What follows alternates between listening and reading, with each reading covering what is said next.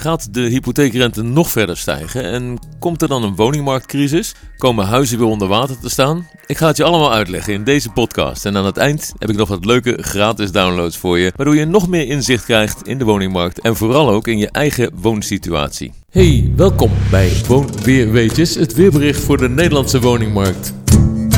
In deze podcast brengen we je iedere paar dagen nieuws en feiten over wonen en je eigen huis. Ik ben Theo Heus, een weermakelaar bij digimakelaars.nl, de voordeligste en meest complete online makelaar van Nederland. Kijk voor onze beoordeling eens even op Funda of op Google, dan ben je zo overtuigd. De persberichten van de NVM en de banken zijn afgelopen weken weer uitgekomen. Allereerst natuurlijk met een verslag van de woningmarktontwikkelingen van de afgelopen drie maanden, maar ook met een voorzichtig vooruitzicht voor de komende periode. En die vooruitzichten van de woningmarkt die zijn voor jou als koper of verkoper natuurlijk hartstikke interessant. Allereerst het doemdenken over een woningmarktcrisis. Dat wil ik toch wel even de wereld uithelpen. Ik geloof niet in een crisis, maar wel in een reset.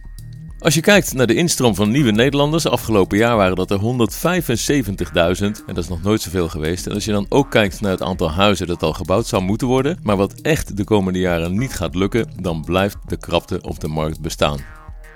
Jazeker, er is meer woningaanbod dan er is geweest en de NVM spreekt van meer ruimte op de woningmarkt, maar dat grotere aanbod komt vooral door het oplopen van verkooptijden met zo'n 20%. En het oplopen van die verkooptijden, dat heeft dan weer direct te maken met onzekerheid van woningkopers over hun toekomstige financiële situatie. Daarbij gaan woningverkopers nu eindelijk eerst hun woning te koop zetten voordat ze een ander huis kopen. We roepen al heel lang dat dat echt een betere volgorde is. En nu zorgen de economische omstandigheden er ook voor dat verkopers vaker deze verstandige keuze maken. En daardoor zijn er afgelopen kwartaal 42.000 woningen te koop gezet. Dat is een stijging van 24%. En daarvan stonden er eind van het kwartaal nog zo'n 30.000 te koop. De krapte-indicator is op dit moment 2,8. Dus iedere koper kan gemiddeld kiezen uit 2,8 woning. Dat is al meer dan een paar maanden geleden, maar een keuze uit vijf woningen maakt de markt evenwichtig. En ja, zover zijn we dus nog niet. Het wordt voor woningkopers wel een beetje krapper als het gaat om wat ze voor een huis kunnen betalen. De hypotheekrente is de afgelopen maanden met procenten gestegen. En net voordat ik deze podcast opnam, heeft de Europese Centrale Bank besloten om de rente met nog eens 0,75% te verhogen. Met de vermelding erbij dat er de komende maanden nog meer verhogingen aan zitten te komen. Ik begrijp dan ook ABN AMRO niet als ze in hun woningmarktmonitor stellen dat ze verwachten dat de hypotheekrente niet verder zal stijgen. Alles in de financiële markten wijst erop dat de stijgingen nog wel even doorgaan. Daarnaast daalt het besteedbare inkomen door de inflatie.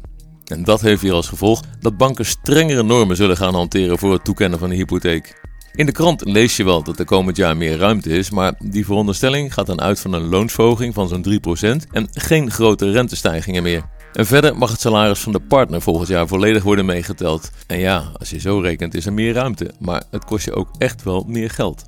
Inmiddels is per 1 januari 2023 de zogenaamde kostengrens voor NAG vastgesteld en opgeschroefd naar 405.000 euro. En het maximale aankoopbedrag voor vrijstelling van overdrachtsbelasting voor kopers tussen 18 en 35 jaar gaat van 400.000 naar 440.000 euro. Daar wordt dus de marktontwikkeling netjes gevolgd. Toch verwachten we geen hele grote prijsdalingen. En dat woningen onder water komen te staan, die kans is tegenwoordig een stuk kleiner. Zeker bij mensen die enige tijd geleden al gekocht hebben. Er zijn twee oorzaken voor. De grote prijsstijging natuurlijk van de woningen de afgelopen jaren en de maximering van het te lenen bedrag. Dat is voor iedereen beter. We denken wel dat de huizenprijzen in ieder geval van bestaande woningen niet meer zo hard zullen stijgen de komende tijd. Er zijn grote regionale verschillen. Globaal kun je zeggen dat waar de prijzen de afgelopen jaren het hardst zijn gestegen, zoals in Utrecht, Amsterdam, Den Haag in het westen en in Groningen, we nu de grootste prijsdalingen hebben. Dus als je het zo bekijkt, wordt de markt wel wat ruimer voor starters. Het woningaanbod is verruimd met 80% en de prijsstijging op jaarbasis is nu zo'n 2%. Dat was 20%. Door het ruimere aanbod is er ook weer ruimte om te onderhandelen. Dit jaar kan de schenkingsvrijstelling, de zogenaamde jubelton, nog worden gebruikt.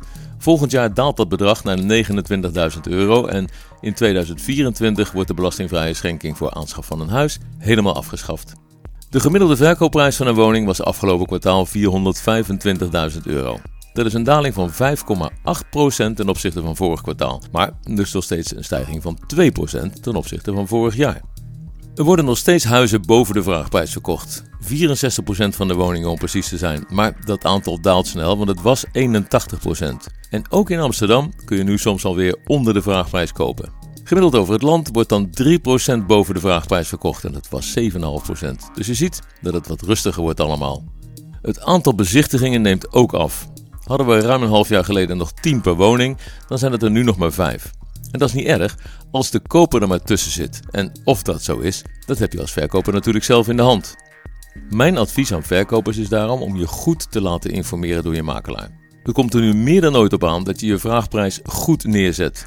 De gemiddelde vraagprijs van een huis in het huidige aanbod is 503.000 euro. Dus je ziet dat er nog heel wat prijzen moeten worden bijgesteld om een vlotte verkoop mogelijk te maken. Nieuwbouw is ook krap en blijft duur. Een gemiddeld nieuwbouwhuis kost 496.000 euro. Dat is een stijging van 8%. En daar krijg je ook nog minder vierkante meters voor dan voorheen. Door NVM-makelaars werd er 33% minder nieuwbouw verkocht dan vorig kwartaal. Wel kwamen er 8% meer nieuwbouwhuizen op de markt, maar dat is nog steeds een druppel op een gloeiende plaat. Daarbij blijven er ook in de nieuwbouw meer woningen onverkocht. Dat komt door lange bouwtijden, maar ook door onzekerheid over de financiële situatie bij kopers. Op dit moment is het voor een particulier heel moeilijk om een jaar of twee vooruit te kijken. Wat het de komende tijd gaat worden? Wat nieuwbouw betreft gaat het voorlopig niet goed. Zeker na de stikstofuitspraak van de Raad van State gaat het allemaal nog langer duren. Het blijft moeilijk te voorspellen, maar ik denk over het geheel dat deze reset van de woningmarkt nog niet zo slecht is. Dat je gewoon even kunt nadenken als je wat anders wilt. En ik blijf bij mijn advies: ga eerst verkopen en dan kopen. Hieronder in de toelichting bij deze podcast heb ik links naar een gratis waardeindicatie van je huis zonder bezoek aan huis. En ook de links naar een overzicht van de woningmarkt in jouw gemeente en de landelijke woningmarktanalyse. Allemaal gratis voor jou van Digimakelaars. Wil je de video zien over dit verhaal of alles nog eens nalezen in mijn blog? Kijk dan ook onder de podcast in de toelichting. De podcast Woon Weer Weetjes wordt bijgebracht door digimakelaars.nl, de voordeligste en meest complete NVM online makelaar van Nederland. Wil je dat meer mensen op de hoogte blijven van de actualiteiten op woningmarktgebied en wil je ons helpen de podcast nog bekender te maken? Doe dat dan door je op de podcast Woon Weer Weetjes van Digimakelaars te abonneren op iTunes, Stitcher, TuneIn of Spotify. De podcast is er ook als Alexa Flash Briefing. Je kunt de skill toevoegen aan What's the News of What's My Flash Briefing. Dan hoor je iedere dag de laatste nieuwe. Wat ook helpt, geef onze podcast een beoordeling op iTunes. Of deel onze podcast op Facebook of Instagram. Super bedankt dat je luisterde en tot over een paar dagen.